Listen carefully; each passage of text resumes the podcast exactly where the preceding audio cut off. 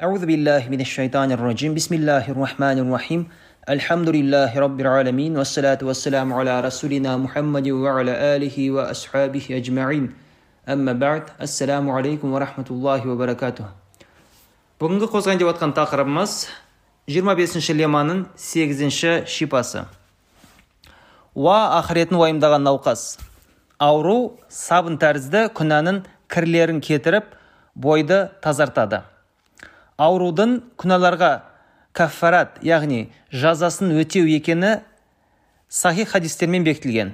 Жеміс ағашын сілкігенде пісіп тұрған жемістер қалай төгілетін болса иманды науқастың аурудан дірілдеп қалтырауы да оны күнәлардан арылтады. Жалпы ауру деген аллахтың негізінде нығмет екен. Неге? Сырттай қарағанда ауру адамға ұнамсыз проблемалы жаман нәрсе болып көрінеді. Бірақ шын мәнінде ауру жақсы нәрсе ал ауру ол аллахтың мейірімі. Ә, неге? Қалай оны мысалға мейірім аллах мейірім деп білеміз. Себебі ә, адамға ауру келгенде ол адамды ең алдымен ә, оған каффарату зунуб болады. Яғни ол адамды күнәлардан тазартады. Ойлап көріңіздер иә? Күнәлардан тазару деген ол адам үшін үлкен ә, бақыт үлкен ә, жалпы нығмет үлкен ә, жеңілдік аллахтың үлкен мейірімі себебі ә, ол ақыреттегі азаптардан құтылады күнәларын кешіру арқылы. Ал егер де күнәлар кешірілмей ә, ол сол күнәларменен қабірге кіретін болса міндетті түрде ол күнәлардың азабын шегеді егер де кешірілмесе. Бірақ бұл дүниеде ауру арқылы ол күнәлардан тазарып сол азаптан аман қалады екен. Сол тұрғыдан қарағанда жалпы ауру ол өте ә, негізінде сондай жақсы болған аллахтың ә, мейірімі болып табылады. Құранда айтылады иә яғни сендерге жаман болып көрінген нәрселер жақсы болуы мүмкін. Яғни бізге сырттай сырттай кейбір нәрселер жаман болып көрінеді. Мысалы өлім сияқты аурулар сияқты қиыншылықтар сияқты нәрселер сырттай ол жаман нәрсе болып көрінеді. Бірақ шын мәнінде ол жақсы нәрсе. Неге? Өлім деген мысалға жақсы нәрсе себебі өлім болмаса адам жәннатқа бара алмайды өлім болмаса ол ә, пайғамбарлармен ә, сахабалармен басқа да өзінің туған туыстарымен кездесе алмайды. Аллахты көре алмайды деген сияқты көптеген нәрселер бар. Ал олардың бәрін жүзеге асыру үшін міндетті түрде адам ә, қабірге кіруі тиіс. Сол тұрғыдан қарағанда өлім деген ол не? Ол ә, жақсы нәрсе. Ол ә, мәңгілік бақыттың бір есігі болып табылады. Ал егер де біз бұны білмейтін болсақ әрине онда өлім деген нәрсе біз үшін сондай бір ә, дұрыс емес нәрсе болып табылады. Яғни сондай болып көрінеді. Жалпы сахих хадистерде ә, ауру күнәларға кафарату зунуб болып табылатыны айтылады. Яғни бізге күнәлардан тазару. Тіпті осындай пайғамбарымыз саллаллаху хадисі бар. Жеміс ағашын сілкіген кезде ә, пісіп тұрған жемістер қалай төгілетін болса мысалы ағаш сіліккен кезде жемістер құлайды ғой жерге. Сол сияқты науқастың ә, аурудан дірілдеп қалтырауы да оның күнәларын солайша кетіреді екен. Қарап көріңіздер иә? Ол не деген аллахтың мейірімі? Уақытша қиыншылық арқылы аллах бізді осындай күнәлардан тазартады екен. Негізінде ә, бәрібір адам күнәлардан тазарады. Ерте кеш күнәлардан кез келген адам тазарады екен. Бірақ оның ең ә, жеңіл жолы ол бұл дүниеде тазару бұл дүниеде. Неге? Себебі ол ең жеңіл ең оңайы. Ә, мысалы ол ауру арқылы болады кешірім сұрау арқылы тәубе ету арқылы ә, ораза ұстау қажылыққа бару қиыншылықтардан өту, өту деген сияқты. Одан да басқа көптеген нәрселер бар. Бірақ егер де бұл дүниеде күнәлар сақталып кешірілмей қабірге сол күнәлармен кететін болса онда ол қандай әдіспен тазарады? Қабірдегі азаппен тазарады. Қабірдегі азапты шегу арқылы адам солайша күнәлардан тазарады екен. Немесе егер де ол да жеткіліксіз болса алла сақтасын тозаққа кіру арқылы сол тозақтың отымен тазарады екен. Міндетті түрде адам бәрібір күнәлардан тазарады. Ерте кеш бірақ ең жақсы ол дүниеде тазару. Ә, енді сол тұрғыдан қарағанда ауру ол адамға өте керемет бір сондай сыйлық. Және тек қана күнәлардан тазарту ғана емес ә, мысалға адамның ә, сауабын арттырады. Құлшылықтағы сауап бірнеше есе артады екен ауру кезінде. Ә, және ә, бізге ауру арқылы денсаулықтың қадірін білдіртеді екен аллах. Ойлап көріңіздер иә не деген ә, сондай бір нығмет болып табылады ауру. Күнә деген о дүниелік мәңгі өмірде дауасыз кесел. Күнә деген о дүниелік мәңгі өмірде дауасыз кесел екен. Себебі күнә деген ол рухани ауру рухани ауру. Және егер де ол сол күнәмен адам өлетін болса қабірге кіретін болса ол не болады? Ол үшін сол кезде шыны, шынайы ауру болады. Яғни ол ә, қабір азабы немесе тозақ азабы деген сияқты нәтижелер береді екен ол дүниеде. Ол бұл дүниенің өзінде рухани дерт мағынауи іріп шіру болып саналады. Тіпті бұл, бұл дүниенің өзінде адамның рухани ә, ауру болып саналады күнә деген. Себебі адам күнә жасаған сайын оның жүрегі сезімдері жарақатталады кірлейді. Әрбір жасаған күнә жүректі кірлетіп отырады екен дақтап отырады. Сонда егер адам күнә жасағаннан кейін истихфар етіп тәубе етпесе өкінбесе аллахтан кешірім сұрамаса онда ол біртіндеп адамның жүрегін қарайта береді кірлете береді. Тіпті сондай бір дәрежеге келуі мүмкін. Алла сақтасын. Адамды біртіндеп адамның жүрегіндегі иманды шығарып тастап оны діннен шығаруы мүмкін. Яғни әрине ә, мысалға күнә жасаған адам діннен шықпайды күнә жасаған үшін. Тіпті үлкен күнә жасаса да ол оны діннен, шыға, діннен шығармайды тек қана оны ауыр сондай күнәһар қылады фасик қылады. Бірақ егер оны үз, енді үздіксіз жасай берсе өкінбесе біртіндеп ол ә, сол діннен шығуға дейін нәтижеге де ә, барып қалуы мүмкін. Сол үшін әрбір күнәда күпірлікке апаратын жол бар екен. Егер сабыр сақтап шағымданбасаң өткінші дерт арқылы көптеген жазылмас рухани аурулардан айығасың дейді. Шынымен де қараңыздар иә бұл ә, айтып кеткен нәрселер бар иә? Ауру бізді күнәлардан тазартады дедік сауабымызды арттырады дедік тағы да басқа сондай нелері бар пайдалары. Бірақ оның да шарты бар. Егер де біз сабыр сақтап шағымданбасақ бізге осындай нәтиже береді ауру. Ал егер де аллахқа шағым айтса сабыр сақтамаса онда осындай нәтижелерге, қол жеткізе алмайды екен адам. Мысалы аллах не үшін маған ауру беріп қойды деп неге ә, постоянно мен ауыра беремін деген сияқты адам сондай іштей шағым болса аллахтың тағдырына деген сондай бір риза, ризасыздығы болса енді риза болмаса тағдырға онда ол ә, осындай жалпы пайдалардан махрұм болады. Егер күнәларыңды ойламай және аллахты танымай жүретін жүрген болсаң онда сен денендегі өткінші аурудан миллион есе ауыр рухани науқассың шағымданғың келсе міне осы рухани ауруыңды айтып шағымдан дейді. Шынымен де егер де біз аллахты ойламасақ танымасақ ақыретті ойламасақ өлімді ойламасақ ғафлет ішінде жүре берсек тек қана бұл дүние, дүниемен ғана айналысып тек қана бұл дүние үшін ғана өмір сүріп бүкіл күш қуатымызды тек қана бұл дүниеге ғана бұл дүниедегі ләззаттарға ғана жұмсап жүрсек онда шынайы ауру сол кезде боламыз. Өйткені адамдағы қазіргі ауру материалдық ауру ол өткінші ауру уақытша ауру енді көпке созылмайды. Бірнеше күн бірнеше ай тіпті бірнеше жыл болуы мүмкін.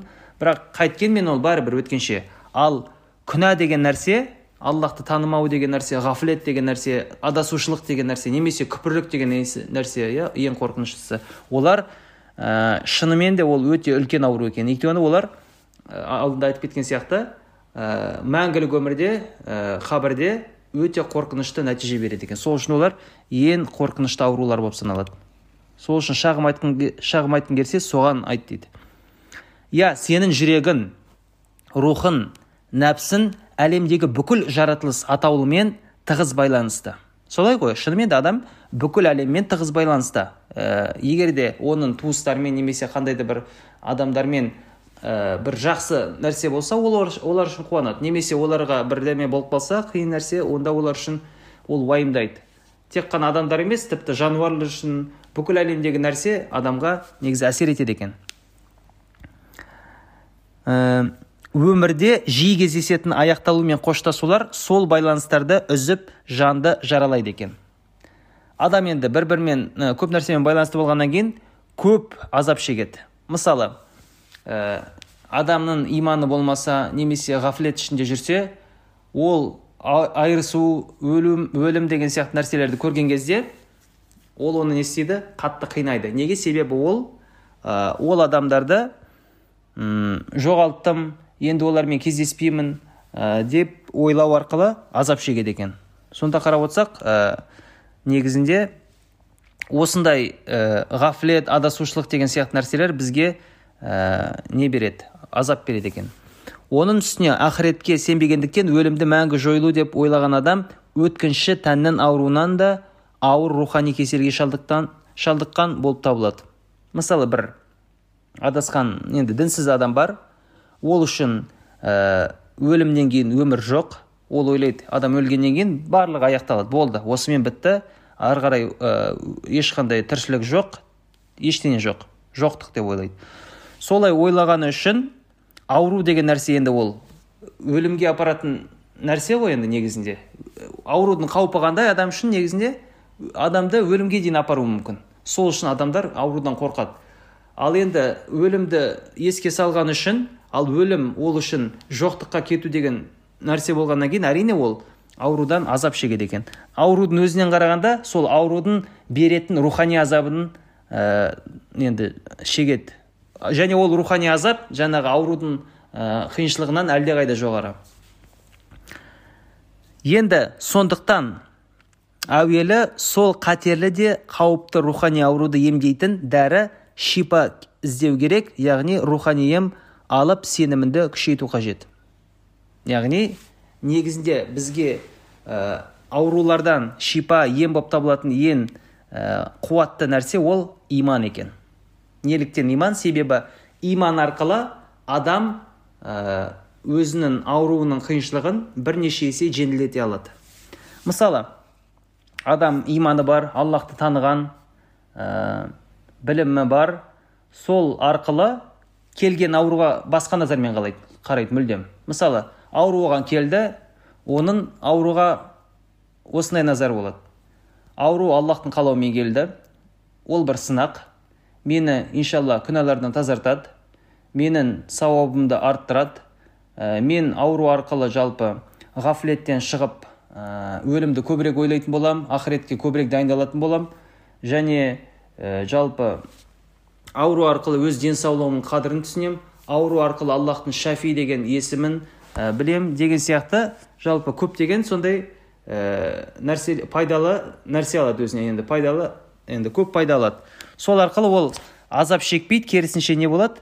Аллахқа шүкір етеді сабыр етеді. Әрине ол материалдық тұрғыдан қиналады қиналуы мүмкін. Өйткені ауру деген нәрсе қайткенмен ол енді адамға бір азап береді ғой белгілі дәрежеде аурудың дәрежесіне қарай. Бірақ сонда да осындай назармен қараған үшін ауруға ол адам осындай назары болмаған адамнан адамнан әлдеқайда жеңіл сезінеді өзін.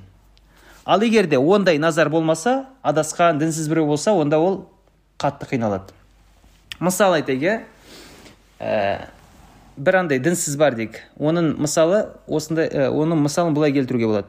Бір адам бар оны өте тамаша бір жерге шақырады ә, тамаша үстел неше түрлі өте тамаша тағамдар дайындалған оны шақырып отырғызады айтады міне жоғары шығыңыз бұл барлығы сіз үшін дайындалған деп айтады. Бірақ бір сағаттан кейін сені өлтіреміз десе ана адам ол жердегі ешқандай тағамнан болсын басқа нәрседен болсын ләззат ала алмайды. Неге? Себебі бір сағаттан кейін сені өлтіреді деген өлтіреміз деген ой бүкіл ләззаттарды бұз, бұзады. Солай ғой? Бүкіл ләззаттарды бұзады. Дәл сол сияқты дінсіздің назарында өлімнен кейін өмір жоқ мәңгілік жоқтық. Сол үшін ол өлімді ойлаған кезде азап шегеді. Тіпті ол ең мықты миллиардер болсын сырты былай жәннат сияқты көрінгенімен бірақ ә, алда оны осындай нәрсе күтіп тұрғанын ол білгені үшін және соған біртіндеп жақындап келе жатқаны үшін ол не істейді? Ол ләззат ә, сондай соншалықты бай болса да бәрібір ол бақытты бола алмайды азап шегеді. Бірақ енді әрине бұл дүниеде әртүрлі нәрсе ләззаттар мен ғафлетке кіру арқылы біраз өзінің жағдайын жеңілдетуі мүмкін уақытша алданып. Бірақ ә, қартайған сайын ол ол азапты көбірек ә, шеге бастайды екен. Және де кейбір қиыншылықтарға шалдыққан кезде де азап оған өзін білдіртеді. Сол үшін жалпы ондай дінсіздер ә, өлімді ойлаудан қатты қорқады. Өлім туралы сөз қозғалған кезде бірден көңіл күйі түседі оны ойламауға тырысады қашады ондай әңгімеден. Содан екен негізі. Ә, оны іздеп табудың бірден бір жолы сырқат арқылы бейғамдық ұйқысынан оянып дүниенің мастығынан айығып аллах алдында өзінің әлсіз де шарасыз екендігі екенінді біліп қадир зүлжалалдың құдіретін оның шексіз мейірімін аса қамқорлығын сезіну. Міне шипа осында екен. Ә, біз не істейміз? Яғни сырқат арқылы ғафлеттен оянамыз бейғамдықтан яғни оянамыз. Бұл дүние уақытша екенін жақсы сезінетін боламыз. Ә, яғни бұл дүниенің мастығынан айырыламыз айыламыз өйткені адам бұл дүниеде негізі ғафлет ішінде жүргенде мас адам сияқты екен. Шындықты былай көре алмайды. Тіпті пайғамбарымыз алейхисалату вассаламның хадисі бар. Бүкіл адамдар ә, барлығы ұйқыда өлгеннен кейін оянады дейді. Ол не деген сөз? Яғни шынымен де қазір адамдардың көбі немесе әркім тіпті өз дәрежесіне қарай ұйқыда ұйықтап жүрміз. Қандай ұйқы? Ғафлет деген ұйқы бейқам, бейқамдық ұйқысы. Ә, бұл дүниенің уақытша екенін не үшін келгенімізді ә, білмейміз. Немесе оны дұрыстап сезбейміз сезе алмаймыз. Сол енді дүниеге алданып жүреміз. Бірақ өлген кезде оның бәрін адам жақсы сезінеді. Не үшін келгені. Сол үшін мысалға хашірде кейбірлер енді адамдар өкінеді дәрежесіне қарай. Неге мысалы кезінде тура жолмен жүрмедім неге тура, жол, тура жолға түспедім неге намаз оқымадым неге ораза ұстамадым неге жақсы амалдар жасамадым? Ә, тіпті намаз оқығандар басқалар да болса олар да неге одан да көбірек оқымадым неге одан да көбірек жақсы амал жасамадым деп әркім өз дәреже, дәрежесіне қарай өкінеді екен. Өйткені ол кезде ояу болады олар. Нені не екенін өте жақсы түсінеді. Ал қазір ұйқыда болғаннан кейін оны сезбейді алданып жүр. Енді аллах алдында өзінің әлсіз де шарасыз екендігін білу яғни адам өзінің әлсіз ә, сондай фақыр пақыр ә, сондай кемшіліктер өте көп ә, екенін жақсы түсінетін болса онда ә, аллахтың мейіріміне бөленуге ол себеп болады екен. Мысалға өте әлсіз біреуді біз көретін болсақ біз оған жанымыз ашиды ғой оған көмектескіміз келеді. Ә, дәл сол сияқты біз аллахтың алдында өзіміздің әлсіздігімізді мойындасақ оны қабылдасақ солай аллахтың алдында өзімізді әлсіз болып сезінсек пақыр болып сезінсек онда аллахтың мейіріміне бөленуге ол ә, себеп болады екен. Иә аллахты танымайтын пенденің басына барлық бәле үйір келеді. Ал аллахты танитын кісінің ішкі әлемі мағынауи қуаныш пен шаттыққа толы болады. Шынайы бақытты болу үшін міндетті түрде иман болу керек және ислам аллахқа мойынсыну болу керек. Егер де осы нәрселер болмайтын болса адамда ол бақытты бола алмайды. Тіпті ол әлемдегі ең бай адам болсын билік болсын ә, денсаулығы жақсы болсын жүзге дейін өмір сүрсін туған туыстарды жақсы жағдай болсын. Бірақ ол иманы оның иманы болмаса оның көзқарасында мысалы өлім деген жоқтыққа кету деген болса ә, және ол енді міне болашақта мен барлығын жоғалтам. Мен жойылам мен жоқтыққа кетем. Осымен барлығы аяқталады бітеді деп біліп тұр ғой өзі. Және сол күнге біртіндеп жақындағанын да біліп тұр. Міне осындай назармен өмір сүрген адамға қалайша біз бақытты деп айта аламыз? Бақытты емес ол адам бақытты болу да мүмкін емес. Бақытты болу үшін ол проблеманы шешу керек бірінші. Ол проблеманы шешкеннен кейін ғана ол бақытты бола алады. Ал мұсылман адам ол проблеманы шешіп қойған аллаға шүкір. Ә, яғни оған тек қана тырысу керек содан жеңіліп қалмай шайтанға нәпсіге сол тапқан нәрсесін одан сайын күшейтіп оны сақтап қалу керек қабірге солайша кіру керек яғни иманмен кіру керек. Сол кезде ол енді шынайы бақытқа қол жеткізеді. Мысалы ә, иманы бар адамның бұл дүниеде алатын жемісін былай келтіруге болады иә. Бір адам ә, 10 миллион доллар ұтып алса және оған былай ресми түрде былай деп айтса міне пәленше пәленше сіз 10 миллион доллар ұтып алдыңыз өз ұтысыңызды бір айдан кейін осындай мекенжай бойынша алып кетесіз деп нақты былай бекітсе ресми түрде қол қойып кәдімгідей құжатпенен иә? Ол адам өте қатты қуанады өте қатты қуанады ә, неше түрлі жоспарлар құрады ә, осындай мысалға бизнес ашамын осындай үй саламын осындай көлік аламын деп кәдімгідей қатты қуанып жүреді мәз болып. Бірақ қарасақ қалтасында еш ақша жоқ. Ешқандай ақша жоқ. Бірақ ақшасы бар сияқты өзін сезінеді. Неге? Себебі бір айдан кейін осы нәрсе маған келеді деген ой оны қазірден ақ бақытты қылып тұр екен. Сол сияқты ә, мұсылман адамдар яғни ә, аллахқа мойынсұнған адамдар ә, аллахтың мейіріміне үміттенеді ғой енді. Ертең осындай мәңгілік бақытты өмір бар мәңгілік жастық шақ бар мәңгілік байлық бар деп үміттенген үшін олар да әлі жәннатқа кірмесе де кірмей жатып жаңағы мысалдағы адамдай алдын ала ләззат алады екен әркім иман дәрежесіне қарай. Сол үшін ә, ол шынайы шынайы түрде қуаныш пен шаттыққа толы болады екен. Мұны әркім иманның дәрежесіне қарай сезеді. Міне осылайша иманмен байланысты болған рухани қуаныш әрі шипа әрі ләззат болып кез келген дене сырқатының қайғысын сейілтіп тонын жібітіп жібереді. إنك أنت العليم الحكيم وآخر دعواهم أن الحمد لله رب العالمين.